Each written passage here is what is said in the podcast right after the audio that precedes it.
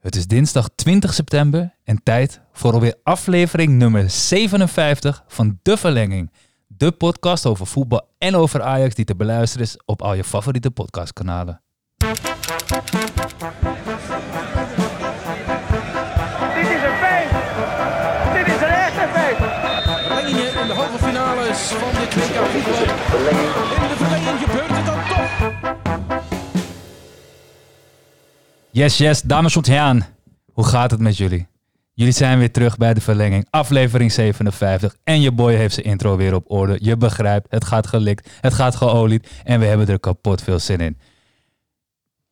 Kashif. Ja, prachtige intro, man. Ja? Ik geniet gewoon, ja. Lekker, Je gaat helemaal los. eh, we Lekker. drukken op record en eh, je bent een heel ander mens ineens. Dus eh, je gaf net aan dat je nog een beetje moe was. Maar er niks Ja. van te merken voor de luisteraar. Nice, nice, nice. Jelani, hoe gaat het met je? Ja, goedenavond. Ja, lekker man. Echt, Nice. eh, een beetje moe, maar ja, dat, Ja, dat hoort erbij. Ja man, hey, die acht uur hits different als je vroeg opstaat. Zeker, Dus, zeker, echt. Maar we zijn er en dat is het allerbelangrijkste.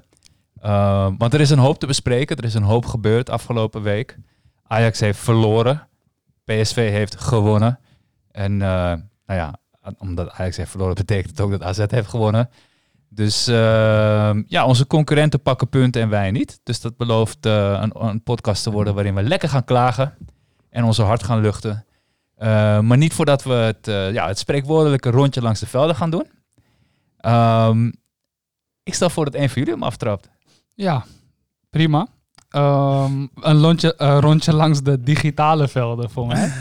Want uh, FIFA, er komt weer een nieuwe FIFA uit. Oh ja, ja. ja en ja. Um, ja, ik denk uh, voor alle voetballiefhebbers, ook voor de luisteraar thuis, uh, zullen er vast wel wat FIFA-spelers tussen zitten, denk ik.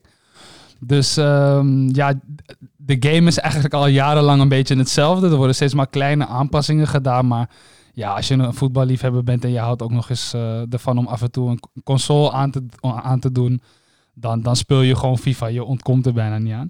Dus um, ja, officieel komt de game 30 september uit. Uh, 27 september als je de Ultimate Edition hebt um, besteld. En een week eerder, dus morgen, komt al volgens mij de webapp uit. En dan kan je al in je, in je Ultimate Team, want daar gaat het in, in ons geval om, mm -hmm. uh, kan je alvast beginnen aan het bouwen van je team. En um, ja, het, is, we nemen nu op. Het is acht uur. Het is donker buiten. Het wordt, de temperatuur is weer wat naar beneden gezakt. En ik heb al tegen mijn vriendin gezegd waarmee ik onlangs ben gaan samenwonen van schat. Ik heb altijd een beetje last van een winterdepressie. En als remedie doe ik vaak mijn Playstation aan. dus dat je alvast weet dat ik uh, wat vaker uh, in de computerkamer zit dan normaal gesproken. dus Lekker, uh, nee, ik heb er zin in, man. Ik heb Lekker, er zin man. in. En nieuwe Call of Duty is trouwens ook uit. Heeft niks met voetbal te maken. Maar ja, nee, man. Ik ga gewoon lekker mijn, mijn PlayStation wat meer gebruiken weer de komende Nice. maanden. En ik ga met je meedoen. Want, ja, gezellig, uh, man. Leuk, leuk. Ik, uh, ik, ik ben ook uh, verknocht met het FIFA-virus. Uh, maar da daarnaast haat ik het ook. Het is echt voor de mensen die geen FIFA spelen. FIFA is, is, is net als die ene toxische relatie die je met die ene chick hebt. Je komt elke keer weer bij de terug, maar je gaat ook elke keer weer bij de weg. En elke keer als je de deur achter je dicht slaat, zeg je: hé hey man, dit is de laatste keer. en dan wordt het lekker weer. En dan denk je: Zal ik er appen? Zal ik... City Boys up. Maar uh, nee, ja. Dus dat is, dat is, ja, dat is FIFA, man. En, uh, en ik moet zeggen, ik heb nu wel echt voor mezelf afgesproken... oké, okay, we gaan van, uh, van september tot en met... Ja, laten we zeggen december of, of januari, februari. Maar daar stopt het ook wel. Uh, maar wij zitten in een appgroep met mensen die gewoon tot en met, uh, tot en met juni uh, spelen. Alleen maar kaarten van 99 op het veld. Ja, klopt inderdaad, ja. ja. Dat, dat is een andere koek.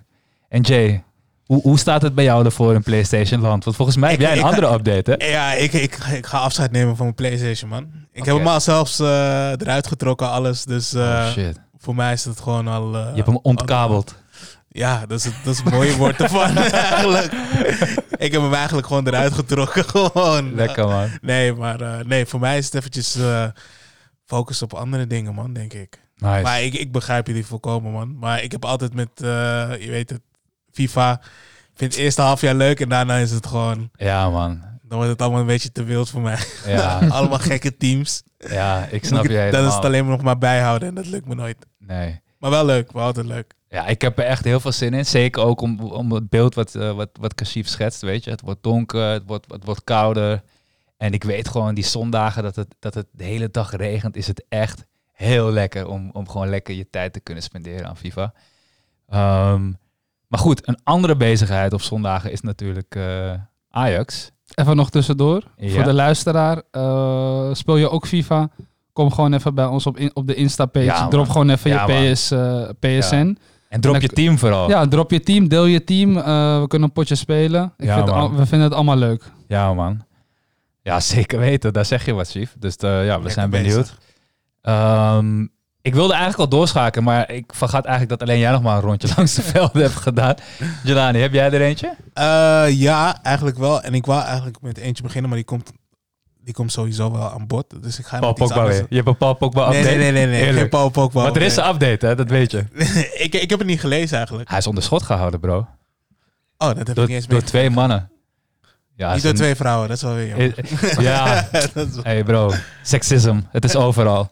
Maar, Nee, hoe is dat seksisme? hey bro. Is toch wat leuker? Waarom, Toch? waarom zouden we er automatisch van uitgaan dat het twee mannen zijn? Maar Ja. het waren dus wel twee mannen. Eh, denk ik trouwens. Ik- wat- Ook- ik weet niet of ze een, een, een hoe noem je dat? Zo- Zo'n ma- masker voor boeven, zo'n gezichtsmasker. Bivak, bivak. ja, ik weet niet of ze een bivak op hadden en hoe het, hoe het geregisseerd was. Ze hadden maar, gewoon eh, een diepe stem in ieder geval. Ja. En het ding is dus, wat, je, je had je numbers correct, want hij heeft dus, eh, hij heeft dus eerst 100.000 betaald. En eh, eh, nou ja, toen dus 13 miljoen. Er zat echt een grote sprong tussen.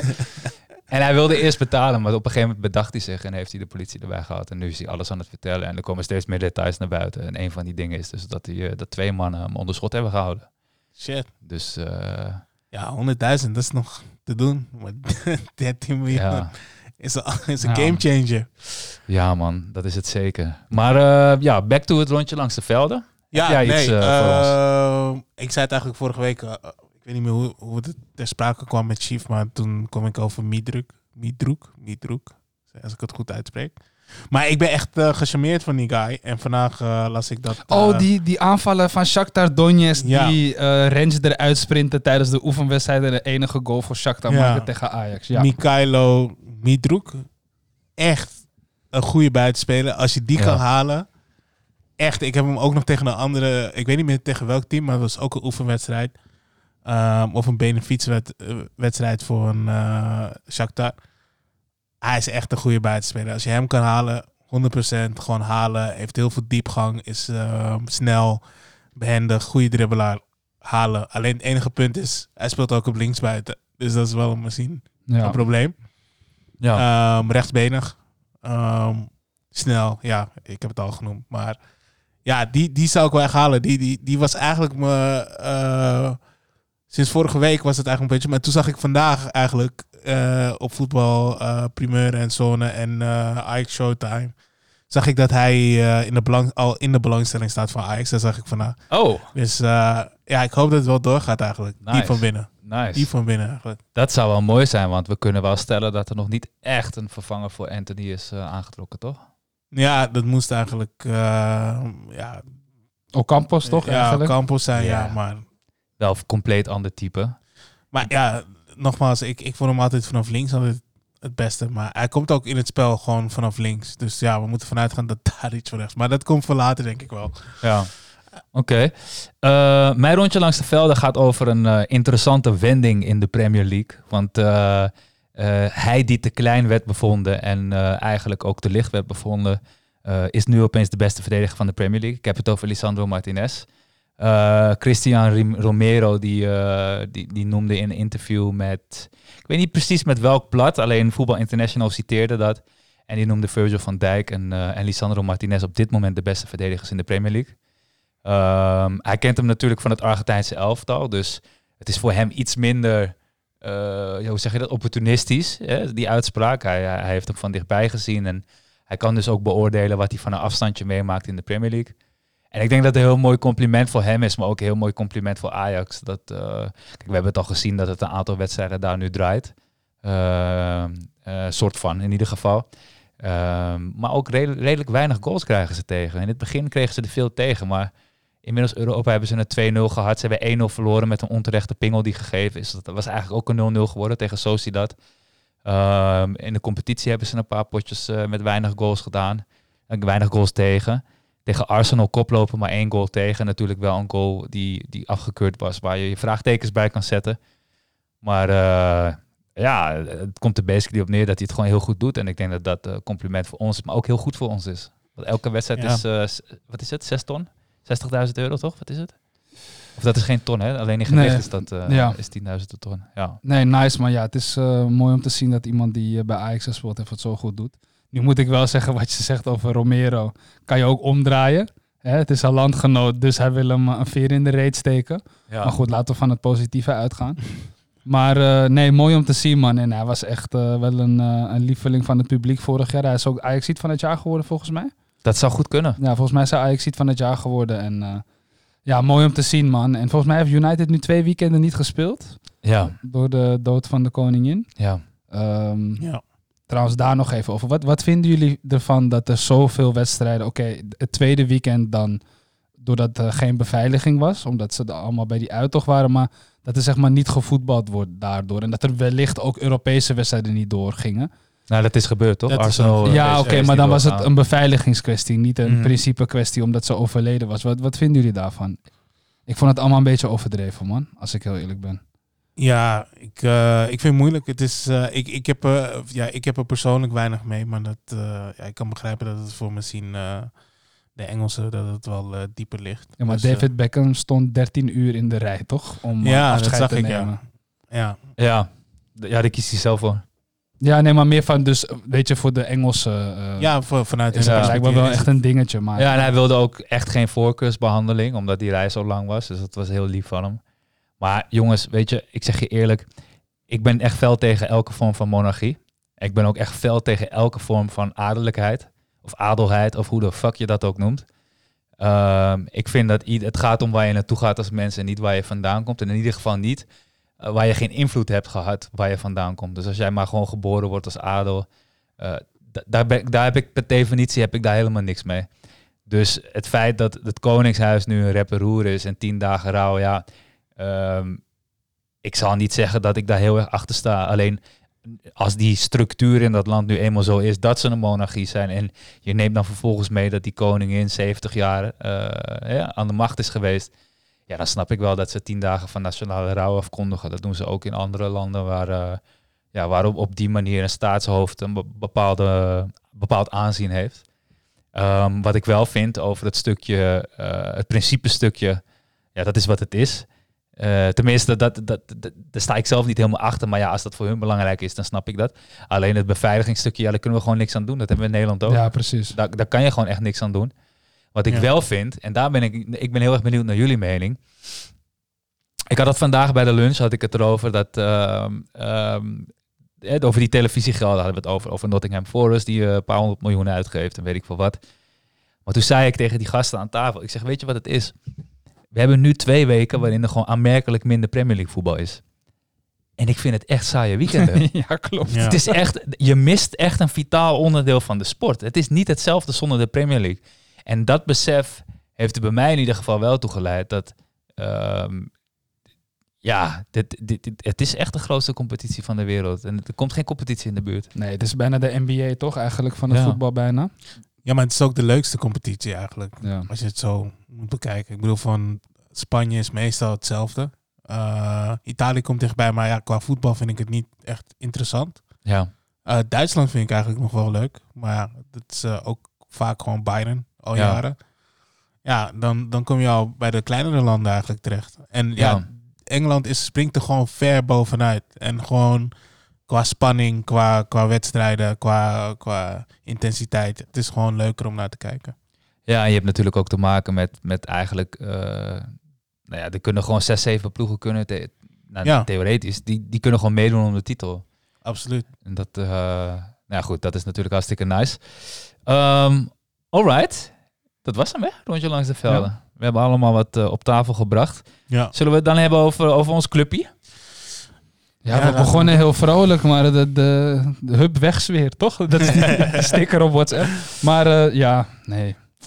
Ik heb me wel echt geïrriteerd zondag, eh, boys. Ik was echt, eh, ja, ik Ja. was not amused gewoon. En het had met meerdere dingen te maken. Ik moet zeggen, voordat de wedstrijd begon, Eh, je speelt uit bij AZ, weet je. Eh, in de periferie van Nederland is Ajax thuis gewoon de grootste wedstrijd van het seizoen. Ook bij AZ, met weet je, een beetje dat Calimero-gedrag van hun altijd. Ehm, het regende.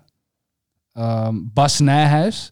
Boys, als we uitspelen en we hebben Bas Nijhuis als scheidsrechter, gaan we het gewoon moeilijk krijgen. Want door zijn manier van fluiten kunnen teams gewoon veel meer tegen ons doen dan dat ze normaal gesproken Speelt Ja. tegen 12 man. continu inderdaad, continu overtredingen maken, eh, rennen of zo, eh, gewoon fysieke duels, over het randje, wordt allemaal weggewuifd. Als je dan ook nog een VAR hebt die gewoon niet ingrijpt, ja, dan wordt het een lastig verhaal. En tuurlijk, we speelden zelf ook niet goed, daar gaan we zo meteen op in. Maar ik heb me wel echt daar heel erg aan geïrriteerd. Want als we gelijk even naar die tackle op Robbie gaan van Reinders. Ik kan me niet voorstellen dat je op het veld zelf geen rood geeft. Maar goed, menselijke fouten. Die bal is niet in de buurt. Je ziet dat hij met zijn noppen op zijn enkel komt. Die klapt gewoon dubbel. Dat zie je gewoon. Ja. Dat je dan nog geel geeft, nog tot daaraan toe. Maar dat een VAR niet zegt van, yo, eh, dit is rood. Dat kan ik gewoon echt niet begrijpen. Hadden we de wedstrijd daardoor gewonnen? Waarschijnlijk niet. Maar Denk jij, denk jij dat de term topclub penalty en het gedoe omtrent RKC, PSV hier Ja. een rol in heeft gespeeld? Dat ze, dat ze, dat ze niet Ajax hè, wilden bevoordelen door een rode kaart uit te delen? het, het is altijd speculeren, maar het zal waarschijnlijk een rol hebben gespeeld. We zijn allemaal mensen, we zijn allemaal gevoelig voor eh, wat de massa vindt van dingen. Mhm. Eh, en het zal je toch eh, wel beïnvloeden op een bepaalde manier. Maar ja, als je naar Nijhuis kijkt, ik bedoel, hij is gewoon eh, een karikatuur van het scheidsrechterskorps. Ik bedoel, die man vindt zichzelf belangrijker dan de wedstrijd. Ook als hij in al die talkshows is. Dus daarom maak ik me altijd extra zorgen als hij fluit. Maar ehm, een week ervoor was hij, of een week ervoor of een paar dagen ervoor, was hij var bij Cambuur tegen RKC. Ja. En toen greep hij ook meerdere malen in, terwijl je zou denken, nou, dat had niet per se gehoeven. Ja. Ja. Ehm, en dan nu tackle vol op de enkel van Maar dat achteren kan ook een rol hebben gespeeld, hè? want dat is wel ook behandeld in een aantal praatprogramma's. Kijk, ik zeg je heel eerlijk, eh, je slaat de spijker op zijn kop, want teams weten inmiddels, als je Ajax wil verslaan, moet je een paar dingen doen. Dat is of ze heel erg onder druk zetten, of eigenlijk het spel gewoon vertragen met overtredingen en irritant doen en wat zo hebben. Eh, en dan maak je een kans. En op het moment dat je dan vervolgens als scheidsrechter ervoor zorgt dat spelers over het randje kunnen gaan, fysiek, ehm, ja, dan, dan, dan, dan, haal je, dan breng je wel echt een ploeg in, in een positie om, eh, eh, nou ja, om, om, om op zo'n manier eh, ja, tegenover Ajax zeg maar, te kunnen spelen, weet je. En dat, ja, je merkt toch wel dat, dat Ajax het daarmee moeilijk had. En de- natuurlijk speelt het mee dat Ajax niet zijn niveau heeft gehaald, want op het moment dat ze dat wel doen, dan, ja, dan, dan kom je alsnog niet in de problemen. Ehm, maar het is wel iets wat, vooral die overtreding inderdaad op Robbie, dat slaat helemaal nergens op. Nee. Dat, Nou, ik, wil- ik wil hem misschien nog dieper pakken. En gewoon, ik vind de hele scheidsrechterskorps gewoon eh, drama. En het is niet alleen Nijhuis. Het is gewoon Makkeli, Keuzebiek, drama. Nee, en, man. eh, ik, het is vorige week al, PSV. eh, dit, dat hebben we al besproken met die hele penalty. ja. En ehm, de- deze week PSV Feyenoord. Ajax was weer eh, helemaal ehm, slecht. Het is gewoon een beetje drama, man. En ehm, ja, ik vind dat je als, als, als, als KNVB moet je wel iets gaan doen. Ja. Ik bedoel, van dit is wel echt, dit is echt een slecht aanzien. En ook in Europa gaan ze gewoon slecht. Dus ik, ik, ik weet niet wat, ze denken, maar op een gegeven moment moet je wel denken van ja, ik, wij we falen gewoon. Fluit Bas Nijhuis wel eens in Europa eigenlijk? Volgens mij eh, al een tijdje niet meer. is dat omdat hij, omdat hij zo op een bepaalde stijl van fluiten heeft? Dat, dat ze zoiets hebben van, joh, dit, dit hoort niet bij ons? Of? Ik weet het niet, dat, dat durf ik niet te zeggen. Ze maar ik weet dat Makkeli niet zo lekker gaat. Daarom kort zei ik eh, Europa, maar Makkeli gaat, gaat al een tijdje niet zo lekker in Europa. En eh, ja, dit is gewoon eh slecht, eh, slecht aanbeeld voor... eh, bij Nijhuis waren ze ook niet blij dat hij toch bij talkshows vaak ging aanschuiven en zo. Ik weet dat, de- dat ze toen aangaven dat het scheidsrechterskorps in Nederland daar niet heel tevreden mee was. Ja, snap ik wel. Dus, eh, en wat dat betreft ben ik het met Jelani helemaal eens. Het niveau van onze scheidsrechters is echt enorm laag. Maar goed, dan heb je nog een VAR, hè? ja, En ik bedoel, luister, je kan de discussie starten om topvoetballers eh, achter het scherm te zetten. Oud-topvoetballers, oud-scheidsrechters, eh, jonge scheidsrechters, whatever. Ongeacht wie je ook was, in dit geval bij Brobby. Ik kan gewoon niet geloven dat je een fout bent en dat je daar geen rode kaart voor geeft. Ik, ik kan Nee. dat gewoon niet begrijpen. Als je maar dus- een beetje van de sport af Maar- weet, zie je dat het duidelijk een rode kaart is, toch? Ja, dat, het was duidelijk een rode kaart. Maar ik vraag me nou af, wat zijn de consequenties hiervoor? Hij heeft het gemist. Iedereen denkt van, joh, het is een rode kaart. Iedereen heeft ook aangegeven, het is een rode kaart. Ik Mhm. denk dat weinig mensen gaan zeggen dat het geen rode kaart is. Maar wat zijn de consequenties? Want ik weet zeker dat hij volgende week gewoon weer een eredivisie-wedstrijd zit te fluiten. Ja. Dus wat, wat doet de KNVB? Dus ik, ik, kijk, ik heb geen hoge pet op van de KNVB. Al met Nederlands elftal niet, eh scheidsrechterkorps. Eh, ja, ik kan nu even niet meerdere dingen verzinnen, maar het, het, het is gewoon drama daar zo. Dus ik vraag me af, wat zijn de consequenties? En dat moeten we even gewoon, ja, dat moet getackeld worden, want er zijn geen Ja. consequenties. We hebben niet zoveel goede scheidsrechters. Nee. Het lijkt wel alsof de KNVB een, eh, een RVC mist die even ingrijpt als het niet goed gaat, toch? Bij Ajax wordt er ingegrepen, bij PSV wordt er ingegrepen, Ja. John de Jong wordt eruit gebonjourd. Ja. Maar eh, de KNVB mist een RVC, man, eigenlijk, denk ik. Ja. Maar normaal hoor je eh, Dick van Egmond toch altijd ook na het weekend zeggen wat hij van bepaalde beslissingen vond. Maar nu, ja, klopt. En Wiedemeyer deed het ook een tijdje volgens mij bij. ESPN. Maar daar heeft hij ook toch veel eh, kritiek op. Ja, gekregen. dat doen ze ook niet meer volgens Ja. mij. Hè? Dus eh, wat ik ook wel weer kan begrijpen. Ehm, omdat je toch op, op specifieke collega's ingaat die het wel Ja, maar goed gedaan gestopt, hebben. toch? Of ja, Dick van Egmond was wel, eh, hij was hoofd of zo. Wiedemeyer Ja, was volgens mij ook wel onderdeel van het scheidsrechterskorps. Maar Ja, ehm, af en toe, in- volgens mij in een column of, of werd hem gevraagd naar hoe en wat. En dan vertelde hij wat hij vond. Eh, maar jongens, ik wil even terug naar de wedstrijd. Want voordat die wedstrijd begint, wordt er een opstelling bekendgemaakt. Die is, eh, voor zover ik weet, in grote lijnen hetzelfde als tegen Liverpool. Of misschien zelfs compleet hetzelfde. ja. Hetzelfde, ja. Wat vinden we daarvan? En dit is eh, maar, en, en- even voor, de even disclaimer. Het is natuurlijk makkelijk om er nu wat van te vinden. Hè? Achteraf is mooi wonen. Maar toch, wat vinden we ervan, Jay? ik, ik vind, ik vind het eh, einde van de wedstrijd, en het is ook makkelijker om aan het einde van de wedstrijd te zeggen, maar ik vind dat, dat Schreuder weer helemaal gefaald heeft. Dit is echt gewoon... Ik, ik vond al... Ik vind al tijden dat, dat Kudus echt goed speelt. Hij speelt echt goed. Maar in de spits, hij verliest te veel ballen. Hij, hij, eh, tegen Liverpool was het slecht eigenlijk. Hij heeft wel gescoord en hij blijft scoren. Helemaal top. Maar op een gegeven moment moet je ook merken, dit werkt toch niet? Of, eh, kijk, in dit geval volgens mij Blind Wijndal was geblesseerd. Die heeft volgens mij vandaag wel in de oefenwedstrijd gespeeld. Klopt, ja. Ehm, dus die komt waarschijnlijk terug. Maar Blind was slecht. Ehm, eigenlijk was heel Ajax was gewoon. eh, Ik vond Blind nog wel een van de betere eigenlijk, man. Echt? De rest was echt slecht, man. Ik vond Blind nog wel meevallen, man. Ik heb me niet zo erg aan hem geërgerd als dat ik normaal gesproken doe. Nee, ik, ik, ik, ik, was, ja, ik was niet amused. eh, ik was sowieso niet. Op een gegeven moment, als je goed kijkt naar de wedstrijden, dat hij gewoon terug shocked. Hè. Gewoon niet eens rent of zo, maar gewoon echt shocked over het veld. En ik, kom, ik wist nog dat ik één moment zat te schreeuwen gewoon voor mijn monitor. gewoon. Ja. En dat ik echt zeg, ga begin te rennen. Maar dat soort dingen irriteren me gewoon. Maar ja, eh, eh, wisselbeleid van Schreuder vind ik ook heel, heel Ik bepalend. vond die wissels eh, wel het spelbeeld veranderen. Ik vond normaal gesproken, Ten Hag gingen we verwijten dat hij geen plan B had. Ja. Ik Ja. vond dat bij Schreuder nu in dit geval nog wel oké. weet je, Luca kwam erin. Berghuis vanaf rechts met die voorzetten. Alvarez mee naar voren, die trouwens drie keer buitenspel stond. Ongelooflijk trouwens. Maar goed, dat Ja. even terzijde. Ehm, kijk, we hebben ook gewoon pech, hè. Twee keer bal van de lijn gehaald. Eh, keeper die nog een paar mooie reddingen had. Dus het, dat, dat, dat zat ook niet helemaal mee. Maar ik vond het slotoffensief vond ik wel op zich. Dat ik dacht van ja, oké, er komt wel wat, eh, wat meer kracht bij, zeg maar.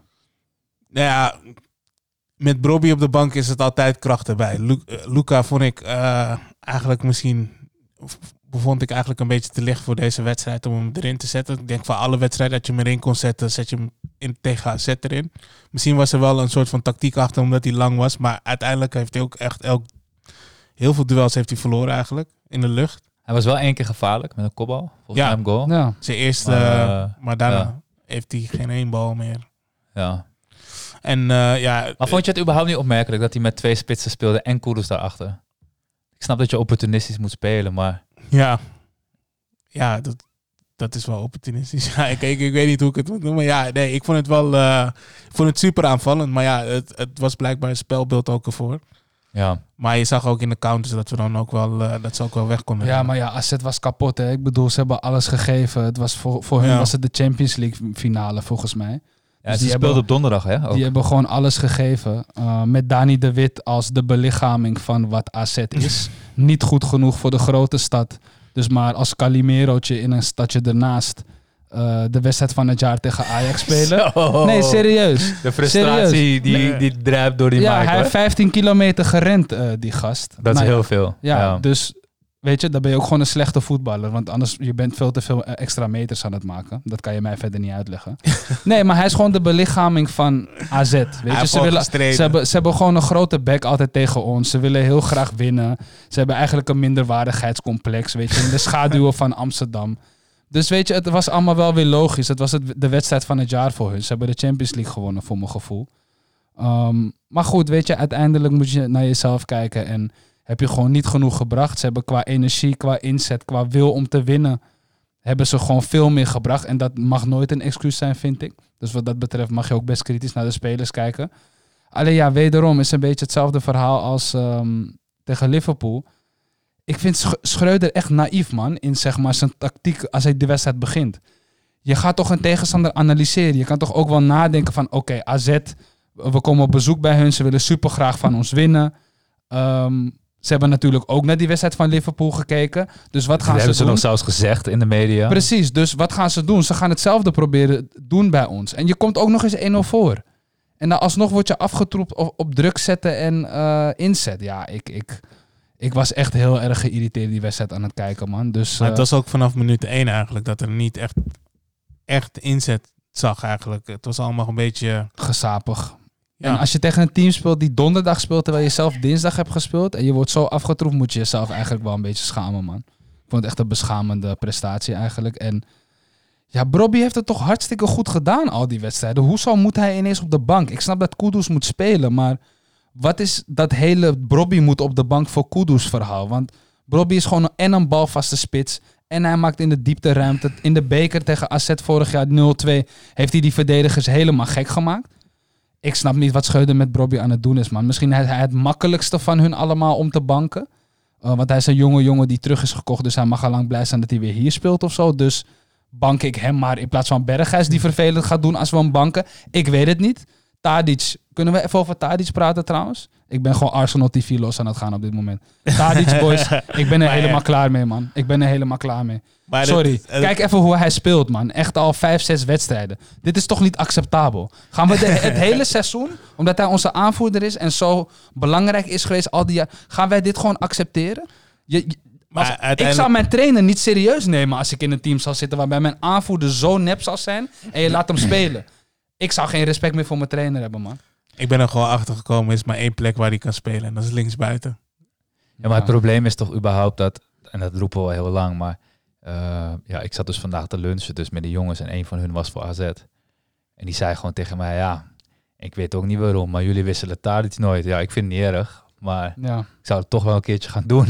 ongelooflijk. En dat is wel waar, waar we nu inmiddels staan. En, heel veel Ajaxiden die zien dat wel al. Kijk, zijn statistieken spreken voor zich. En ook dit jaar zal Tadic nog steeds goede statistieken halen. Alleen we moeten verder kijken dan die statistieken. En eh, zeker bij Ajax kan je ook als je slecht speelt goede statistieken halen. Ehm, Ja. En kijk, dat Tadic niet gewisseld wordt, hè, dat is iets wat op zich staat. Dat Brobby niet ingebracht wordt, dat is iets wat op zich staat. Maar waar ik vooral problemen mee heb, is dat je in dezelfde opstelling als tegen Liverpool gaat spelen. Terwijl je die wedstrijd, waar we het erover eens dat het te weinig gebracht is. eh, vervolgens moet je een paar dagen later weer op topniveau aantreden. Ehm, ehm, en dan gebeurt het eigenlijk weer dat het te weinig gebracht wordt. Ehm, dat is ignorant. Dat heeft gewoon te maken met ignorance. Dat is gewoon dat je denkt dat dinsdag een, een, een eh, hoe noem je dat? Een incident was. Een incident was inderdaad. En dat, en dat het nu wel goed komt met dezelfde namen. Terwijl, kijk, als je dat doet omdat je een team moet laten draaien, snap ik het. Maar volgens mij draaide het team al. En als het dan vervolgens niet draait, dan moet je dus iets veranderen. Dat is hoe dat werkt. En als je dan vervolgens een bank hebt zoals Ajax. Kijk, Klaassen is duidelijk geïrriteerd. Echt duidelijk. En niet dat we ons daar, want dat staat ook op zichzelf, dat we ons daar druk om moeten maken. Maar het vertegenwoordigt wel een trend die in de selectie gaande is.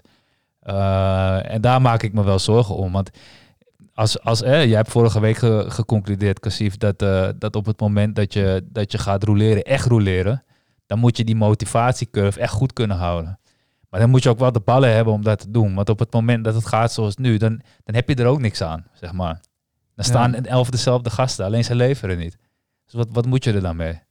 Dus dat, ja, dat, dat, dat, dat, ik vind dat daar begint bij mij de teleurstelling. En ehm, jij vertelde na die wedstrijd tegen Liverpool dat je die persconferentie had gezien. Dat je best tevreden was met de antwoorden die Schreuder gaf. Ik heb die persconferentie niet gezien, dus ik kan daar niet over oordelen. Maar ik vind niet dat hij een indruk maakt dat hij, dat hij heel erg weet wat hij aan het doen is. Ehm, en er zit wel een idee achter, want ik heb het al eerder gezegd, zijn hoofd is echt groot. Dus er zit sowieso ergens daar een plannetje. maar, ehm, ja, hoe noemde jij hem Jay in de app? Eh, one trick pony.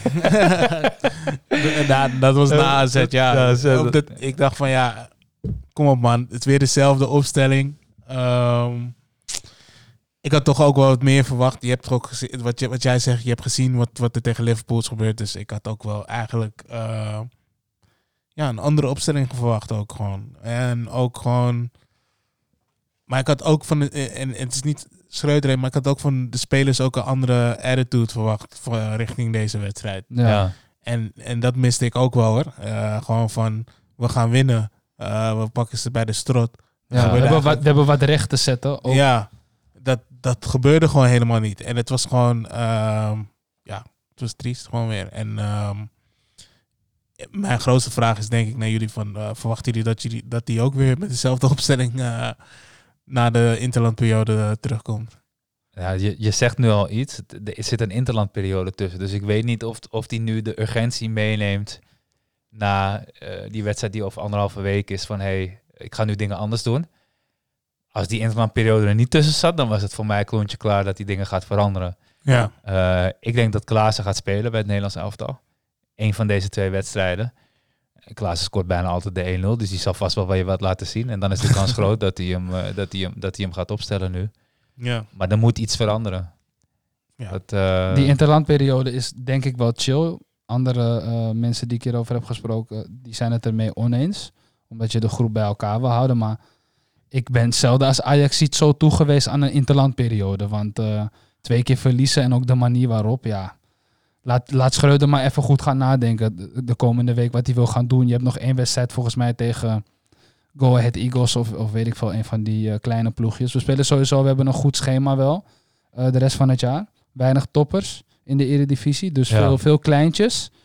Ehm, dus op zich is dat wel weer lekker om, om tegen in te komen. Laat me het afkloppen dat we niet weer puntverlies leiden. Maar ja, hij moet wel echt wat gaan veranderen, want dit is het niet. En Ja. ehm, ik snap dat die Kudus variant goed gewerkt heeft één keer. En Kudus is ook gewoon in goede vorm. Eh, alhoewel de laatste twee wedstrijden valt het allemaal wel weer mee. Maar goed, hij speelt ook niet op zijn natuurlijke positie. ja, ik wil het Ehm, straks over iemand anders hebben die ook niet op zijn natuurlijke positie speelt. Maar ga verder. Ja, dus ehm, nee, hij moet wel echt wat gaan veranderen. Want Ja. dit, dit, dit is hem niet, man. Nee, en of, om aan te vullen wat je zegt over Kudus. Hij scoort. Hè? Nice. Hij speelt niet op zijn eigen positie. Begrijpelijk. Maar hij gaat bepaalde duels in met een, met een aura en energy van... Wat doe ik hier? Ja. Wat ben ik hier aan het doen, bro? En ik, ik kan daar echt slecht tegen. man. Ik zeg kan je heel echt slecht eerlijk, tegen. Je hebt, het, je hebt het benoemd laatst. Ik ben er ook op gaan letten. Ook als hij scoort, bro, verkoop hem, man. Ik ben klaar met hem, man. Hij heeft geen instelling om voor Ajax te strijden, man. Hij is hier gewoon voor zichzelf. Is zo goed recht, is prima. Maar dat is niet als supporter iets wat ik wil zien, man. Ja. Hij heeft geen, eh, hoe noemen ze het in Engeland? Play for the badge trade. heeft hij gewoon niet. Hij speelt niet voor de badge, man. Hij speelt voor zichzelf, man. Jelani, denk jij, sorry dat je onderbreek, maar denk jij dat, dat wat Chief nu zegt en dat hij toch veel speelt, dat dat misschien in het achterhoofd is dat ze hem in de winterstop willen verkopen? Ehm, ik heb wel, wat, wat, wat mij wel opviel, waarom, waarom dacht van, waarom begint Kudus eigenlijk? Is dat ik dacht van, joh, deze man gaat bijna uit zijn contract. Laat hem spelen. En dan kunnen we hem nog voor iets verkopen tenminste. Dat is wel echt degelijk wat ik dacht. Want ik bedoel van, ja, leuk en aardig, maar Brobbey zit nog wel vijf jaar gewoon vast. Ja, precies. Ehm, wil je nog een beetje wat verdienen aan Kudus, moet je hem wel een beetje laten spelen. Moet, misschien wil je hem nog vrolijk houden, kijk, zijn contract verlengen en alsnog verkopen. I don't know. Hij gaat zijn contract echt niet meer verlengen, man, bij ons, denk ik. Ik denk het ook niet, eigenlijk. Maar wat ik wel zag is dat Kudus echt, echt, echt in de weg liep. Gewoon, gewoon Bergwijn in de weg. Gewoon ehm, uit positie. Gewoon ook gewoon ehm, vaak ook niet. ehm, ja, het was gewoon, het was gewoon, het is gewoon niet een spits die je wilt hebben in de spits eigenlijk gewoon. Maar daar zeg je iets, hè? Want dat is opvallend. Eigenlijk sinds Kudus de spits is, draait Bergwijn voor geen meter. Ik weet niet of daar ook een link tussen zit. Eh, maar in die wedstrijden dat Bobby de spits was, schoot Bergwijn elke wedstrijd er eentje in de kruising. Ja. Ik weet niet of je daar een oorzaakverband tussen kan zien, hoor, maar dat is wel iets wat me opvalt als je dat nu zo zegt. Nou ja, ik, ik wist nog wel, ik, ik weet niet, het was ergens rond de 70ste minuut, maar ik wist nog dat ze elkaar gewoon, gewoon echt letterlijk bijna tegen elkaar botsten, gewoon op, op, gewoon op het Ja, veld. ja, gewoon. ja. Ik dacht van, maar dat ik ook dacht van, Kudus, wat, wat, wat doe je eigenlijk hier? gewoon, ik, ik, kijk, ik, Kudus vind ik echt gewoon, hij, hij scoort, hij kan best wel eh, goed spelen, maar ik denk wel echt dat hij op 10 moet gaan. Of Ja. misschien die intensiteit op 8 moet zetten. Je kan hem naast Alvarez zetten. Je kan Kudus aanspelen Ja. met een man in zijn rug. En hij kan open draaien. Want boys, jullie, Ja. jullie geven Alvarez props. En ik, ik hou van hem eh, door zijn strijdlust. En Stacey geeft hem vaak props omdat hij nu ook het spel kan verdelen. Maar hij kan dat niet, bro. Hij doet het af en toe aardig. Maar hij is geen klassieke voetballende zes Ja, maar dit, die het spel verdeelt. En je, als je hoog onder druk wordt gezet, sorry dat ik eh, eh, doorga, maar als je zo erg onder druk wordt gezet en je hebt geen middenvelders die open draaien, maar alleen maar kaatsen en, en, en terugspelen, je gaat niet aan voetballen toekomen, man. Ja, maar dit is wel een beetje wat we vorige week ook al zeiden. Dit is niet aan Alvarez. Je moet niet van Alvarez verwachten dat hij het spel gaat verdelen. Dat moet je niet verwachten. Het is die partner naast Alvarez waarvan je het moet verwachten. Ja. En dat is, dat is Taylor op dit moment ook niet. Nee, hij is echt onzichtbaar, man. Hij heeft de assist gegeven doordat hij een goede loopactie had, maar ik heb hem voor de rest niet gezien, man, eigenlijk. Ja, je kan, je kan niet van, van, van Alvarez verwachten dat hij die spel verdedigt. Want dat, dat zijn kwaliteiten die, die hij gewoon niet heeft. Ja. Maar hij heeft wel andere kwaliteiten. Ja. Toch wel. En die wel naar boven komen. En waar, de, waar hij zich wel laat zien. ja. En ja, op dit moment denk ik dat we gewoon echt een, een goede spelverdeler op acht missen. Ja, 100 procent. 100 Dat is, dat is een van de grootste problemen die we hebben. En over Bergwijn trouwens. Kijk, als jij een spits hebt die over wie je door kan voetballen, die de bal vasthoudt en zorgt dat jij hoger op het veld aan voetballen toekomt, ja. dan kan een speler als Bergwijn vaker in de 1 tegen 1 komen, heeft hij ruimte, Ja. is hij super gevaarlijk. Het liefste, eh, wat je ook in de voorbereiding zag, heb je nog een Wijndal die eroverheen gaat Ja. als bliksemafleider. Eh, ik denk dat Bergwijn en Wijndal trouwens, los van hun achternaam die op elkaar lijkt, eh, best wel goed samen kunnen spelen, denk ik. Ja. Ehm, maar ja, dat heb je nu niet. En ja, Bergwijn, hij krijgt dan de bal rond de middenlijn met twee man in zijn rug. Dan moet het ook maar net goed lukken. Ik bedoel, bij Alvarez, als hij elke bal breed speelt of terug, hoe ga je aan voetballen toekomen? Waar zijn die verticale ballen? Die verticale ballen heb je niet. En niet per se alleen om Alvarez, maar dat is wel een positie waar als je een voetballende zes hebt die open draait, à la Frenkie de Jong, oké, zulke Ja. middenvelders zijn zeldzaam natuurlijk. Absoluut. Dus dat is niet de maatstaf.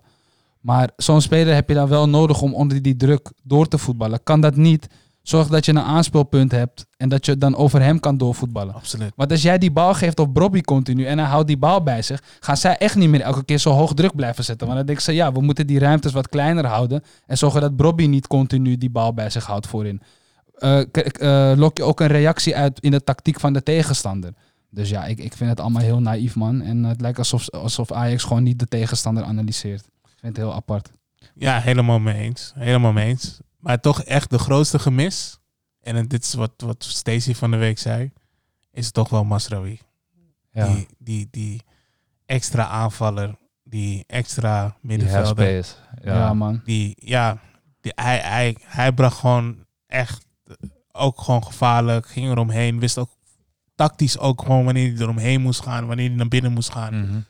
En dat, dat mis ik wel met Rentje. En met, Blind verwacht ik het helemaal niet. En Rens ook gewoon, is gewoon een fout, hè, wat hij doet. Ja, Ja. ja. jongens, ik, ik, ik zeg je eerlijk, ik... ik eh, bij die, bij die 1-0. ja, ja, zeker. bij die 1-1, Bij die sorry. 1-1, ja. Nee, kijk, het ding met Lens is dat, eh, we hebben het er vaak over, maar ik vind dat hij... eh, ehm, hij maakt fouten die, die ik niet eens als naïef wil bestempelen, maar, maar waar... ja, gewoon alsof je niet een, echt gewoon alsof je in slaap ged- gedopt. Wat ben je aan het doen daar? Wat, wat ben je nou aan het doen met die slijding? En volgens mij hoeft hij niet eens een slijding te maken. Nou, volgens mij had hij zonder ook gewoon bij de bal gekomen. En vervolgens, als je die slijding maakt, soort van met twee benen, wat doe je? Je, moet, je hebt één doel, dat is die bal tegenhouden. Anders is die speler weg. En hij tikte hem een soort van half aan. En Hij gaf hem nog beter aan. hij gaf hem nog beter. Hij gaf hem echt in de loop. Bro, zelfs als dat je bedoeling is, lukt het Ja. 9 van de 10 keer niet. Hoe smooth hij die bal meegaf Ja. aan die guy. Hij schiet Ja. hem wel goed in trouwens. Ik, ik, Ja, ik wil het wel gewoon relativeren. Ik denk dat hij gewoon echt... Hij wou de bal pakken. Hij heeft hem niet gepakt. Het was fucked up. En dan maakt hij een van de grootste blunders. Dat, Ja. dat- meer kan ik er niet van maken. Maar het voelt als, het voelt als een concentratiedingetje. Als, als, ja, als, en, is en- het ook. Want het ging Ja. volgens mij door zijn benen. soort van, half. Nou ja, volgens mij, hoe ik het me herinner, is dat hij een slijding maakte, maar met beide benen een beetje naar voren, zeg maar. En, en uiteindelijk, Ja, ja, ik weet niet, het zag er raar uit. Ja, en ja, kijk, of- als we het over concentratieprobleempjes hebben, die 2-1, dat Bessie blijft hangen, is ook een concentratieprobleem. Want als jij een centrale verdediger bent bij Ajax, weet je gewoon dat je naar voren moet gaan met z'n allen en eh ze op buitenspel moet zetten. Maar je, je huppelt er een beetje achteraan. Ja. Nu wil ik Bessie niet afvallen, want ik ben fan van hem en hij is een strijder. Maar ja, de, ik, ik zeg je eerlijk, boys, als je op inzet en, en, en concentratie, zeg maar, wedstrijden verliest, dan kan je als supporter gewoon niet blij zijn. En daarom ben ik ook best wel salty vandaag. Ehm, weet je, je kan af en toe een off-day hebben. Je kan af en toe, weet je, voetballen niet eronderuit kunnen voetballen. Omdat een tegenstander misschien supergoed druk zet. Of weet je, ze maken mooie goals of whatever, prima. Maar als je kijkt naar, naar inzet, discipline, een coach die gewoon aan het falen is op dit moment. En spelers niet durven te wisselen die super slecht zijn. Ja, dan zijn er gewoon veel punten om chagrijnig over te zijn, man. Dus ik ben echt oprecht blij met die interlandbreak. Normaal gesproken ben ik het niet. Maar eh, ik, even geen Ajax voor mij een week, man. Want ik was echt aan het koken zondag, man. Ik zeg jullie eerlijk. Ja, Er is geen man overboord. hè. Ik bedoel, oké, PSV staat één punt eh, qua doelsaldo voor. twee corners. Eén, één doelpunt ging vooraf een eh, overtreding eh, aan af. En één corner had niet gegeven mogen worden. Ja, Ze speelden overigens wel eh, beter dan ik verwacht had. Het was wel een foutenfestival, maar het was beter dan ik verwacht had. Maar ehm, ja, het was een leuke wedstrijd om te zien in ieder geval voor de Ja. neutrale toeschouwer. Weet je wat ik, wat ik heel grappig vond? Dat. Nee, wacht. Ik ga een bruggetje bouwen. Ik ga het eerst nog even over onze keeper hebben. Die heeft namelijk een opmerkelijk record op zijn naam. Sinds dat de statistieken bij worden gehouden, sinds 2010, door Opta, heeft nog nooit een keeper zoveel balcontacten gehad als dat Pasveer heeft gehad tegen AZ. zo. En dat is opmerkelijk, want tegen Liverpool was hij ook al degene met veruit de meeste balcontacten. Ja. Ehm, dat, dat, dat maakt nogmaals weer eens duidelijk hoe tactisch onmachtig Schreuder deze week heeft gehandeld. Dat vind ik, dat vind ik wel opmerkelijk. Hij was overigens, dit keer had hij echt een paar hele goede reddingen. Die, die verder gingen dan een bal die recht op hem afgeschoten werden. Dus dat is wel nice. Ehm, en mijn bruggetje gaat over de andere keeper. Ehm, en ook over het Nederlands elftal. Want eh, Louis van Gaal die zei dat... ehm, dat, eh dat Bijlo, dat, dat voetbal, voetballers vaak eh, niet zelfkritisch kunnen zijn. En dat komt omdat Bijlo had gezegd dat hij vindt dat hij geen vormdip heeft. Maar ik vind het heel grappig dat je als keeper dat zegt op een dag dat je vier doelpunten tegenkrijgt. en ik weet niet hoe jullie daar tegenaan kijken, Ja, maar ja, ja, ja, hij krijgt vier doelpunten tegen, twee uit een corner. Als keeper ben je hoofdverantwoordelijk voor de organisatie bij de corner. En die, en die Baumgartner, of hoe die ook heet, die, die, die, die loopt gewoon gigantisch vrij. Tikt hem bij de eerste paal binnen. Niet hoog, maar gewoon op, op, op, hal- op ja, op Dat meter is wel een vieze goal hoor. Het was een hele vieze. Ik vond het wel een mooie ja. goal, man. Nee, dat is het Ja, wel. is een het ook. is goal, ja, ja, Ja, ja, hij ja, mag daar niet binnenvallen. Dat mag niet gebeuren. Maar hoe hij hem intikte was zo nonchalant dat ik dacht van... het was een oh, spitse goal. Het was echt een spitse goal. Maar eerlijk, als je dan bij de eerste paal staat en je besluit om uit te stappen en je hebt die bal niet, dan ben je ook een sukkel, man. Ja, nee, precies. Anders moet je gewoon Ja. blijven staan. precies. Die handsko. Maar ik vind dus grappig dat, dat, dat je als keeper op een dag dat je vier doelpunten tegenkrijgt, ja, sorry, het lef heeft om te zeggen, hey, eh, ik vind niet dat ik een vormcrisis heb. Dus eh, ja, ik weet niet waar je het over hebt. Maar ja, goed, dat vond ik opmerkelijk. Vond Terwijl ik, iedereen kan zien dat Bijlo echt slecht aan het seizoen was begonnen, toch? Ik bedoel, Ja, ik, ik was echt fan van hem eh, eind vorig seizoen. ja. Ik dacht, hé, hey, dit wordt echt de toekomstige nummer 1. En dat zal die vast ook wel worden van het Nederlandse elftal. Maar ja, hij is gewoon super slecht het seizoen begonnen. Ja, en het gaat ook om uitstraling. Hè? En die uitstraling voelt heel anders aan dit, dit, dit seizoen. Ja. In al, alle seizoenen waarin hij veel geblesseerd was, waarin Feyenoord het slecht deed, straalde hij iets uit van, hé, ik ben echt, hè, het talent droop er vanaf. Maar nu, nu is het, is een beetje weg. Ja, ter- terecht dat Pasveer trouwens geselecteerd is. Ik gun Ja. het hem ook. Ik heb hem belachelijk gemaakt van day one. Toen Stacey zei van nee, goede keeper, Vitesse, goed gedaan, divisie. En ik hem een campingkeeper noemde. ik vind het wel dope, man. En eh, hij speelt Ja. gewoon goed. En, eh, Maar je hebt iemand voor de sfeer nodig, hè? Ja, zeker, zeker, absoluut. Dus ehm, Ja. nee, ik vind het wel mooi voor Pasveer, man. Denken jullie dat hij eh, eerste keeper wordt van het Nederlandse elftal op het WK? Ik denk tweede keeper. Ik heb vorige week al gezegd. Ja. Ja, ik, denk ook wel tweede keeper. Ik- Ik denk dat Van Gaal al lang heeft besloten dat het Sillissen gaat worden. maar als er een Ja. keeper moet invallen, niet voor penalties, maar om in te vallen, Ja. dan wordt het pas weer. Vanwege Ja. zijn ervaring. Dat denk ik echt. Ja, omdat hij laat zien dat hij in grote wedstrijden gewoon zijn hoofd koel kan houden. Ja, en omdat hij gewoon zijn verdediging goed neerzet. En hij is, hij is... Kijk, het is ironisch, want hij is nog nooit op een WK geweest. Dus over wat voor ervaring hebben we het? Alleen hij voetbalt wel al heel lang natuurlijk. Ja. En, en da- dat gezegd hebbende heeft hij, heeft hij veel ervaring. En, en ja, laten we wel zeggen, zijn haar is wit. Hij is, hij is, hij is Maar- een oude kill. Dus eh 39. Dus hij is, hij is wat minder snel onder de indruk van dingen. Maar Bijlo niet meenemen is wel een beetje heftig, man, vind ik. Ja, Als je kijkt gewoon, als je gewoon, eigenlijk zeg je gewoon, je komt niet eens in de top 4. En dan haal je Noppert van Heerenveen. En dan haal je nog steeds niet de top 4 van, van, ja, van Nederlands Ja, elftal. maar we hebben nu toch al onbedoeld een bruggetje geslagen naar het Nederlandse elftal. Maar ja. ik, ik, eh, ik zei vorige week voor de grap van dat we het WK gaan winnen.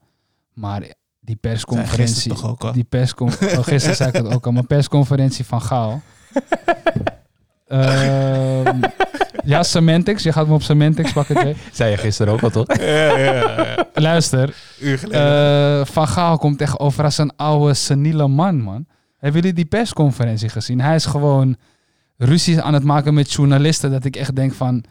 Je hebt niet eens begrepen, zeg maar, wat voor vraag zij stellen. Je bent gewoon in je eigen wereld ben je aan Ja. het opboksen tegen allerlei forces. En eh, ik, ik vond het een beetje schrijnend eigenlijk, man. Maar het is vooral Valent en van- toch? Met nee, die- maar het ik heb die hele persconferentie gecheckt. Kan ik aan elke luisteraar adviseren trouwens, want het is highly entertaining. het begon met Jeroen Stekelenburg. Die was gewoon, naar mijn inziens, best wel wat normale vragen aan het stellen. ook wel echt een pisvlek hoor. Eh, Sorry dat ik het zeg, maar zijn stem in combinatie met kritische vragen. Ja, ik ga hem direct over mijn nek. echt. Wat een schijnhuil, ouwe. Ja, maar, ja, maar nee, ik vind het echt, ik kan het niet nadoen, maar ik vind het echt, maar je hebt gelijk, maar wat een kutstem is dat, Ja, ouwe. maar sowieso al die gasten van NOS. Ik bedoel, ik heb wel Oh, die NOS Bro, voetbal... die podcast, oh my god. die- Sorry jongens. Die sorry. NOS voetbalpodcast, dat is echt het meest verschrikkelijke Het is wat ik ooit zo heb gra- gehoord. Nee, echt, Jelani. Ja, ja. Dat, dit is zo grappig. Vijf gasten die het allemaal niet met elkaar eens zijn. En echt de, de, de witte mannen energy, sorry. Ik, ik weet I don't want to be racist. Witte maar mannen 50 plus en Precies, energy. die energy Ja, druipt er vanaf in die podcast. En het is heel nice om te luisteren. En je moet begrijpen dat Arno Vermeulen is, naar mijn mening... Als ik naar Studio Voetbal kijk, vind ik het echt een douchebag. Maar in deze podcast is hij nog soort van de, de, de, de verstandige van de vijf, zeg maar. Het is echt, dat is echt één grote Dus joke. je, het was sowieso het dieptepunt in de podcastwereld. Oh my god, deze podcast is echt... ze- Ja, ze, hebben altijd ruzie. Ze zijn altijd aan het kibbelen. En ja, ik weet Ik kan het Eh, overigens niet adviseren om ernaar te luisteren. Ik, het, mijn Maar het zijn gewoon allemaal journalisten. Nee, gewoon Ja, al die commentatoren van NOS van Eredivisie. Oh, oké. Dus je hebt Jeroen Stekelenburg, Arno Vermeulen, Wat Jeroen Gruter. Jeroen eh, Gruter en eh, weet ik ja, veel weet ik veel wie ze nog meer hebben.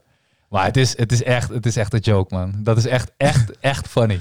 Ja. Oké, ik ga het, eh, Maar goed, het anyway, de persconferentie van Gaal begon met Jeroen Stekelenburg. Die trouwens echt acht vragen stelde of zo. Terwijl de rest allemaal twee mocht stellen. Vond ik ook een beetje apart, maar goed. Toen was Valentijn Driessen aan de beurt. Maar daartussendoor was er ook nog een andere eh, journalist... die ook weer een vraag stelde waar Van Gaal niet blij mee was. En tuurlijk, de vragen zijn af en toe wellicht wat irritant. Maar ja, ik vond het uiteindelijk wel meevallen allemaal wat ze vroegen. Het zijn gewoon dingen waar je gewoon redelijk normaal gewoon antwoord op kan geven. En Ja. Van Gaal was echt van ja en eh, je bent aan het eh, suggereren of je bent dit aan het doen. En dan schrijf dat maar in dat krantje van je dit.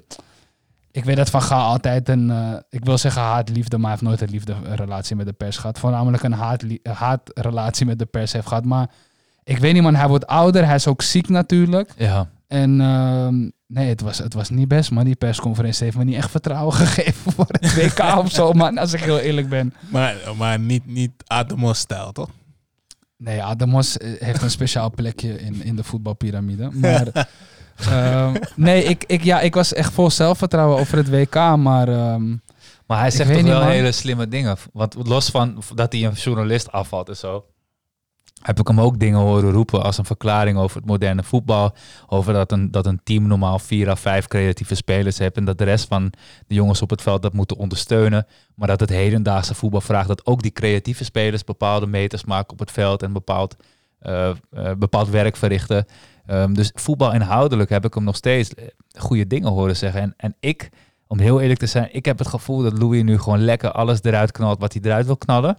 Dat hij, dat hij, dat hij, dat hij echt bezig is om, om eh, het, het tasje Nederlands voetbal eh, op een bepaalde manier af te zetten. En die interviews die horen daar misschien niet bij, maar ook als je kijkt naar hoe hij met Gravenberg nu omgaat. Eh, ik denk dat hij indirect gewoon aan het communiceren is. Hey, je hebt een foute transfer gemaakt naar Gravenberg. En, en, en, en zo zie je meer dingen bij hem. Dat het lijkt alsof hij nu gewoon... ja, ze gaan hem toch niet ontslaan. Maar oké, maar eerlijk. Als Frank de Boer dezelfde keuzes had gemaakt als dat Van Gaal nu heeft gemaakt welke met zijn keuzes? selectie.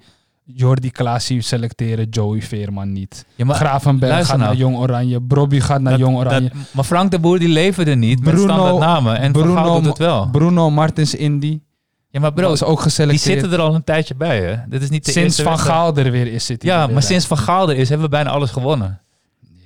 Ja. Dus we kunnen toch moeilijk stellen dat... Hey, we, hebben, we hebben België met 4-1 over de knie gelegd. Of 4-0, weet ik veel wat het was. We hebben van Turkije gewonnen. We hebben van Noorwegen volgens mij die tweede wedstrijd ook gewonnen of, of gelijk gespeeld. Hij heeft iets geflikt wat, wat, wat van je kant de mist in zou gaan. We zouden weer een eindronde missen, man. Zonder hem. Met Frank de Boer. Dus ik moet eerlijk zeggen... Met Frank de Ja. Boer. met Frank de Boer hadden we geen eindronde Ja, oké, gespeeld. maar Oké, Kees, kijk. ik vind het allemaal wel meevallen, man. We hebben een mooie wedstrijd tegen België gespeeld. Duitsland, eerste helft, werden we helemaal weggespeeld. Ja. Ehm, ik, ik vind het allemaal wel meevallen. Maar, en ik ben fan van Louis. Ik bedoel, hij heeft ons Champions League gegeven. Ik, ik, ik, ik geniet van zijn interviews. Hij is ook echt een, eh, een voorstander van aanvallend voetbal. I, I love the guy. Maar eh, de manier waarop hij deze persconferentie deed, vond ik een beetje overdreven. En ik vind ook niet dat we moeten overdrijven met de prestaties die hij met dit team tot nu toe deze keer heeft gepresteerd. Ik vind Ja. het wel meevallen. Zullen we het even over nog een heel klein dingetje anders? Want we, we hebben vandaag afgesproken dat we hem op een uur houden, de podcast. en ik wil ons daar ook aan houden. Maar ehm, we gaan tegen België spelen. Dat is een beetje onder, ondergesneeuwd. Volgens mij tegen België en Polen spelen we deze week. Of is het tegen Ja. Wales en België? Vol- ik weet alleen België. De andere, volgens, Volgens mij Polen. ja. Ja, nou, in ieder geval, ehm, ja, we staan er niet helemaal bij stil, maar we kunnen de Nations League finale halen. En dat zou ook betekenen dat Nederland zich kandidaat gaat stellen voor de organisatie daarvan. Eh, maar ondertussen gaat het eigenlijk over allemaal plichtmatigheden. Want er is bijvoorbeeld een studio ingebouwd bij het trainingskamp waar Nederlands elftal nu is. Om een, om, een, om een commercial op te nemen voor, ik denk Albert Heijn of een van die andere sponsoren, ik weet het niet. Ehm, eh, daarnaast moet er, eh, ja, er zijn allemaal testen, er zijn neurologische testen, omdat er een regel is dat als je een klap tegen je hoofd krijgt of weet ik veel wat, dat je aan de kant gehaald moet worden. Daarvoor moet hersenactiviteit in neutrale toestand gemeten worden. Ehm, dus er zijn ook heel, het, het is ook gewoon druk, zeg maar. En kan het zijn dat die drukte eh, ervoor zorgt dat die extra geprikkeld daar zit, als je ook nog meeneemt dat hij een bepaalde ziekte heeft en, en weet ik veel wat zo hebben. Ja, het, het zou kunnen. Het is, het is speculeren, maar ja, Ja. Het, het zou zeker kunnen. Maar ehm, Ik ga ervan uit dat er gewoon een managementteam daar is. Die dat, die dat onderzocht heeft. Maar ja, het is wel... eh, als je kijkt naar commercieel vlak, dat hele Albert Heijn ding... Ja, dat, dat zijn wel drukte die je eigenlijk niet... Ja, ik weet niet of het Albert Heijn is, hè, maar in ieder geval, Oké, er wordt een commercial opgenomen, dat weet ik wel. Maar eh, ja, oké, ik, ik weet niet. Maar in ieder geval die commercial, dat, het zijn allemaal van die dingen dat je denkt van ja, oké. Is dat echt allemaal nodig? Maar ja, uiteindelijk worden ze ook betaald ervoor, dus ja. Maar die hele. Nations League boeit toch helemaal niet, boys. We willen toch gewoon een team ready hebben voor het WK. Die Nations League interesseert mij echt helemaal niks, Ja, man. maar Ik ben, ticket, ik ben wel een voorstander daarvan, man. Ik vind het echt, ik vind het in, in relatie tot oefenwedstrijden, vind ik dit echt. nee, oké, eh, maar meer van het winnen ervan en er ver ko- eh, komen in die competitie. Dat is toch allemaal ondergeschikt aan het teamproces om klaar te zijn voor het WK. Klopt. Het is wel ondergeschikt aan dat verhaal, maar het is voor mij niet ondergeschikt aan een commercial voor een sponsor en, en testjes die je moet nee, maken. oké, oké. En dat vind ik wel kwalijk. Dat, dat, ik heb zoiets van, als je dat allemaal moet doen, doe het dan allemaal op de eerste dag, zoals dat klaar is. Je weet toch? Eh, maar nu is het blijkbaar, loopt het een beetje door de voorbereiding op die wedstrijden ook heen. En het voelt voor mij alsof de, die hele Nations League, die, die weliswaar het minst belangrijk is ten opzichte van het WK, maar toch ook wel een bepaalde waarde vertegenwoordigt, dan vind ik het toch vreemd dat dat, dat, dat nu zo ja, een beetje weggemoffeld wordt. Maar die Nations League, dan kan je toch gewoon uit EK een ticket pakken? Nee, het is, een, het is een vangnet. Dus op het moment dat je je niet plaatst voor, voor- via de normale weg, dat is ons dus wel gelukt, Ja. dan kan je altijd nog eh, via de Nations League Oh, oké. Eh, eh, kan, je, kan, je, ja, kan, je, kan je alsnog, zeg maar, eh, via bepaalde play-offs. Ik moet je eerlijk zeggen, ik moet me er even goed in verdiepen, maar dat is Want ik dacht, ik, dacht, ik dacht dat het eerst Nations League was. En dan doen ze een groep, doen ze weer die kwalificatie. Ja. En dat ze dan uit die kwalificatie kan je nog alsnog in, als tweede bent, kan je alsnog via route kan je Ja, ja, ja. een ticket pakken. ja, ja. Je hebt dus vanuit die Nations League heb je dan, zet je jezelf af voor een eventuele play-offs, om Ja. alsnog te kwalificeren. Precies. Alleen ja, op het moment dat je dat gewoon al haalt, dan is dat natuurlijk niet aan de orde. Eh, hè, als Nederland zijnde, dat is nu gebeurd. Maar ehm, nou ja, goed, kijk, eh, ik- eh, er valt veel voor te zeggen waarom het niet belangrijk is. Wat ik er in ieder geval leuk aan vind, is dat we straks weer een paar wedstrijden op topniveau krijgen. En dat het Ja. heel goed is voor, voor Absoluut. jongens als Timber, ja, andere spelers die, die, die echt al hele grote talenten zijn en die deze prikkels nodig hebben, omdat ze in hun eigen competitie die beperkt hebben. Even, even snel, nu dat je het zegt. Hè. Maar, ehm, want ik hoorde je over Timber praten. Vanuit gaan dat ze met een vijfmans verdediging of 3-2 nog wat gaan spelen. Wie moet starten achterin? Gewoon alleen achterin. Ik hoef niet voorin, middenveld Ja. hoef ik niet te weten. Alleen achterin. Ik had het vorige week al gezegd, maar ik denk dat het al vaststaat. Ik denk dat het Dumfries, Timber, Van Dijk, AK en Blind wordt. Dat dat de vijfmansverdediging wordt in een 5-3-2 slash 3-5-2 systeem. En geen Malasia? Nee, ik denk dat hij in een 4-3-3 systeem speelt, maar niet in een 5-3-2 systeem. Eens met dat laatste van Stacey. Ehm, ja, voor de rest met alles eens eigenlijk. Ik, eh, ik, ik moet zeggen, ik weet niet, speelt Ake veel? Ik denk als Ake niet veel speelt, ehm, dat je nog... Kijk, ik hou van Matthijs de Ligt, man. Ik zeg jullie eerlijk. ik, ik, ik, ik heb altijd van hem ge- gehouden. Ook toen hij als jonkie bij Ajax aanvoerder werd. Hij heeft gewoon een speciaal plekje bij mij. Dus Matthijs mag van mij altijd spelen. Maar hij wil een linkspoot op die plek. Nee, dat snap ik. Maar Ja. eh, ik zou dan misschien nog Timber op die, op die linker centrale zetten van die drie. En dan Van Dijk de Licht. Ja, Eh, ja maar- Van Dijk kan, of eh, De Licht kan dat niet, hè? Links centrum. Dat, Nee, dat- nee. daar is hij, Hij speelt wel bij Bayern op... eh, Ja, nou, hij gaat slecht. ja, ja, ja. Nee, hij, hij kan dat niet. En bij Juve ging hij ook slecht op links centraal. Dus ehm, ik zou daar naar kijken. Maar als Ake gewoon speelt, eh, is het wel fijn om een linkspoot daar te hebben. Dus dan zou, en ik vind, ik vind Ake ook een hele moderne, goede verdediger. Hey, En het, het gaat ook om het team. Hè. Wat is het beste team voor die opstelling ook? Ehm, En als we, Ik- als we één stapje terugnemen, hè, is het een optie om blind op die linker centrale verdedigingpositie te zetten en Malasia dan als, als winger? we moeten sowieso ter discussie stellen of hij mee moet. Maar nee, nee, geitje. Nee, ik zou hem sowieso meenemen, want hij heeft wel bepaalde kwaliteiten. En Ja. dat, dat, dat kan je niet eh, onder stoelen of banken zetten. Maar ehm, ik persoonlijk zou wel gewoon voor eh Malasia kiezen, omdat hij zich gewoon ook echt bewijst bij Manchester United. En eh, hij, wordt, hij komt steeds beter in die linksbackrol. En ik denk dat hij daar gewoon helemaal eh, uit zijn verf komt. Maar ja, dat vind ik. Kijk, in principe, ehm, die linker centrale gaat superveel moeten oplossen voor blind. En ook met snelheid waarschijnlijk Absoluut. dingen goed moeten maken. Ehm, dus ik denk dat Ake daar wel de juiste persoon voor is. Ik heb echt, als blind toch moet spelen, het liefste op die eh, linker. Dat er gewoon drie centrale verdedigers zijn die eventueel zijn gebrek aan snelheid in Ja. de omschakeling kunnen compenseren. Ja, man. Maar je wil hem eigenlijk niet eh, als een van je laatste mensen hebben. Want ja, hij wordt aan alle kanten voorbij gerend. Wat trouwens niet erg is, maar ehm, ik, vind, ik vind Blind toch in balbezit, vind ik hem toch wel echt wat toevoegen. Je ziet het gewoon bij Ajax. Als hij niet eh, in stelling wordt gebracht, Maar- is, is de opbouw gewoon heel stroperig. En ook bij het Nederlandse elftal. ehm, Maar misschien kan je dan, als je hem wel als linker centrale verdediger, kan je die wel makkelijker inschuiven op het middenveld.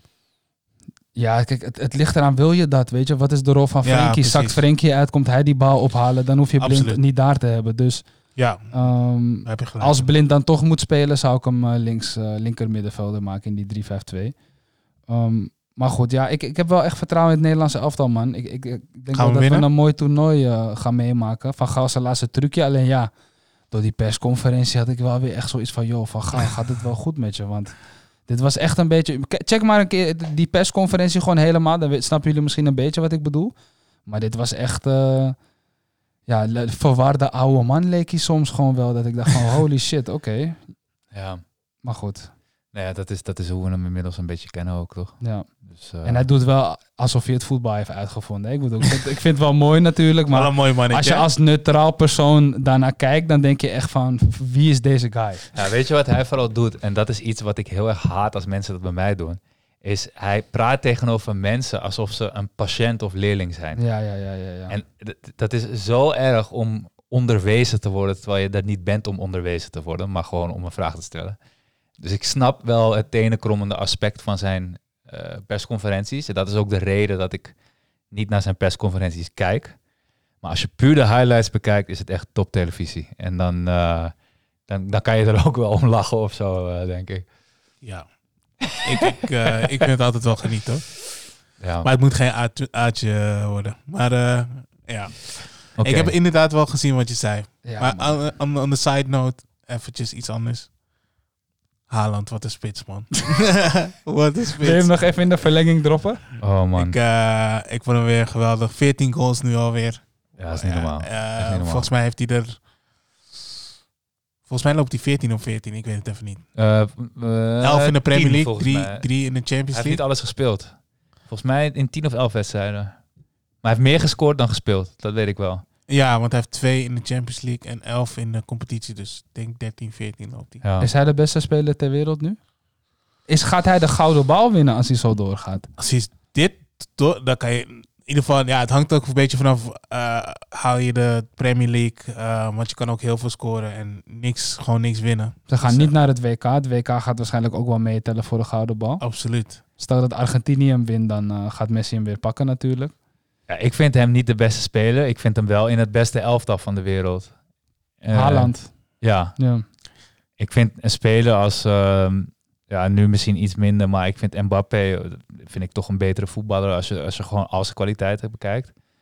Ehm, en ik moet zeggen, ja, er werd natuurlijk heel veel gezegd over Benzema vorig jaar. Terecht, want dat, die Champions League campagne was crazy. Maar ik vind dat over het algemeen het niveau van Haaland... eh, ja, ik denk dat wel dat hij de beste spits ter wereld is. Ja. Ja, niet meevoetballend, maar gewoon echt pure afmaker. weet je, Heeft hij wel, en heeft hij wel betere stats in FIFA dan Ronaldo? Eh, nee, zeker niet. Want Ja. FIFA, FIFA ugh, het is één schande man dat ze Ronaldo 90 hebben gemaakt. Maar wat ik heel erg opmerkelijk vind, en dat is wel echt een ding.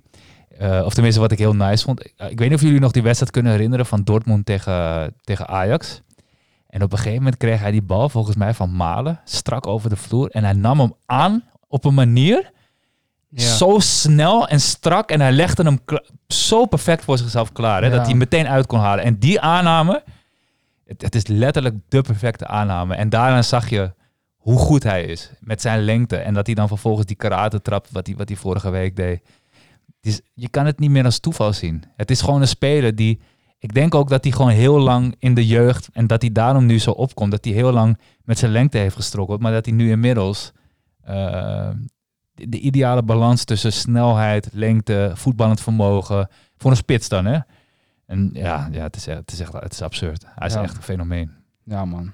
En jong ook nog, man. Dus hij kan ook eh, Ronaldo, Messi-achtige Ja. statistieken gaan bereiken. En ik heb wel het gevoel dat hij, dat hij een beetje humor heeft en zelfspot. En dat dat wel goed is voor, om, om zo'n jongen een beetje Ja. op de vloer te houden. En hij kan ook wat drinken. Ja. ja.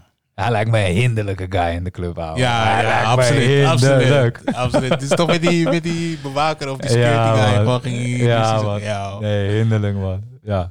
Alright, boys. Wil iemand nog wel iets ter tafel brengen? Ik ga voor het eerst in mijn leven buiten eindtoernooien om naar het Nederlands elftal kijken. En ik zal het laten weten in de volgende podcast. Wat verwachten jullie van eh, Polen, Nederland. Nederland, België? Tegen Polen kan je niet meer stuk, toch? Of, eh? nee, ja, ik, ik, eh, ik weet het niet, man. Ik moet me er even in gaan verdiepen. Ik ben wel benieuwd tegen België wat ze gaan doen. De Bruine die was de Nations League helemaal aan het afkraken de vorige wedstrijd tegen Nederland. Dus daar hadden ze ook verloren. Ik denk dat België wel wat gemotiveerder nu. Naar Nederland komt om eh, even te laten zien dat zij toch beter zijn. Maar Hans van Aken heeft niks meer te bewijzen, hè? Nee, die heeft, Dat toch, is, eh, die heeft uh, scheid aan van de vaart ook, toch? Omdat dat, die, dat snap ik dan weer wel. Maar, Ja. Nee, zeker. Maar ehm, nee, ik denk dat Nederland wel eh, goede resultaten gaat boeken. Maar nogmaals, het, het, het proces voor het WK is belangrijk. hè. Dus Ja. da- daar ben, daarom ga ik vooral kijken. Want ja, dit zijn de Ja. laatste twee wedstrijden voor het? WK. Hoe staan we ervoor? Ja, wat gaan we proberen? Precies, weet je hoe ver gaan we komen? Kan ik bij mijn collega's eh, bij het WK-poeltje Nederland als winnaar neerzetten? Ja.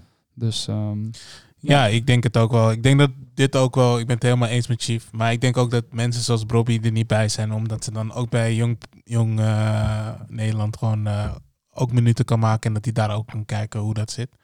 Ja. Ehm, ik vind het toch wel raar, man. Dat, we zijn niet echt ingegaan op controversiële wel of niet eh, selecterings. Maar Robbie niet selecteren, ik vind, ik, ja, ik vind het wel een beetje raar, man.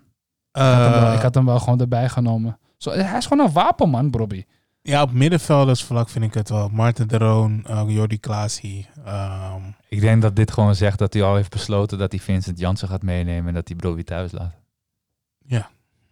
Want Broby moet nu of in, in, in de aankomst, nee, maar dat kan al niet meer. Hij moet dan vanaf nu elke wedstrijd drie erin leggen en dan maakt hij kans.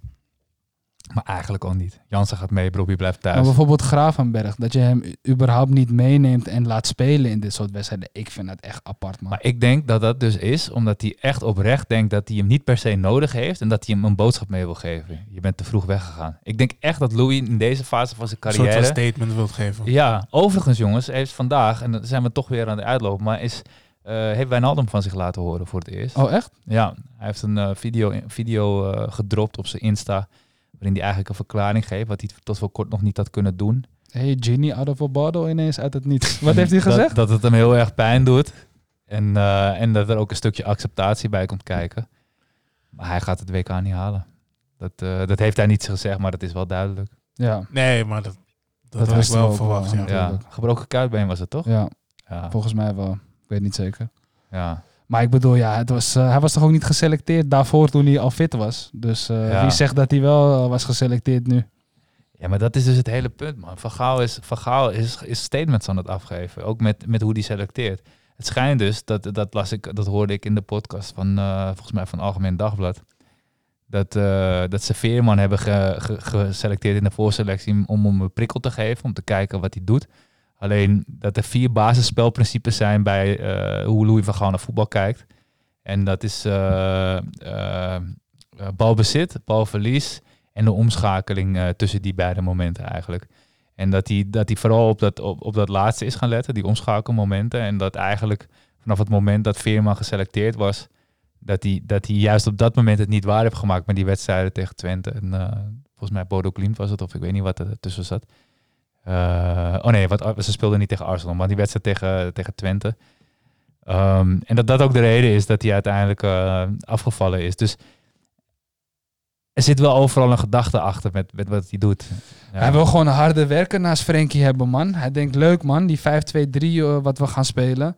Die middenvelders naast Frenkie, die hoeven helemaal geen geweldenaren te zijn. Die moeten gewoon goed omschakelen en eh vuil werk opknappen. Ja. Maar misschien moet hij Dani de Wit selecteren, man. Weet Ja, dat dacht ik, dat dacht ik net dat hij ook aan, 15 eh. kilometer gaat lopen. Ja. ja, boys. Ik vind het een mooie uit, eh, uitsmijter als we Dani de Wit eh neppe kill noemen. Dus eh, zullen we hem daarbij houden? Zeker weten. Lekker man, dan kunnen we lekker ons Nessie opzoeken. Ehm, nou ja, dit was hem dan. Aflevering 57 van De Verlenging. Ik wil alle luisteraars eh, hartelijk bedanken, ook namens Jelani en Cassif. Ehm, kleine mededeling. Volgende week is er geen De Verlenging. En dat kondigen we nu netjes aan, omdat er interland voetbal is. En daar kletsen we toch iets minder graag over dan over ons clubpie. Eh, kleine side note, Magajan, hij is er nog steeds. Hij heeft rood gepakt vandaag in een oefenpot tegen Utrecht. Volgens mij opstootje tegen Amin Younes. Wat we sowieso al een walgelijk mannetje vinden. Na hoe hij weggegaan is bij Ajax ergens daar in 2017. Maar het is wel het vernoemen waard. En eh, nou ja, zoals we net al zeiden. Volgende week dus geen aflevering. Maar de week erop zijn we er weer hartstikke bij. Dames en heren, hartelijk dank voor het luisteren. En tot de volgende verlenging.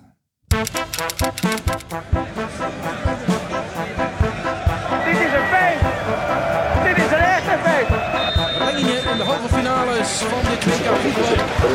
In de verlenging gebeurt het.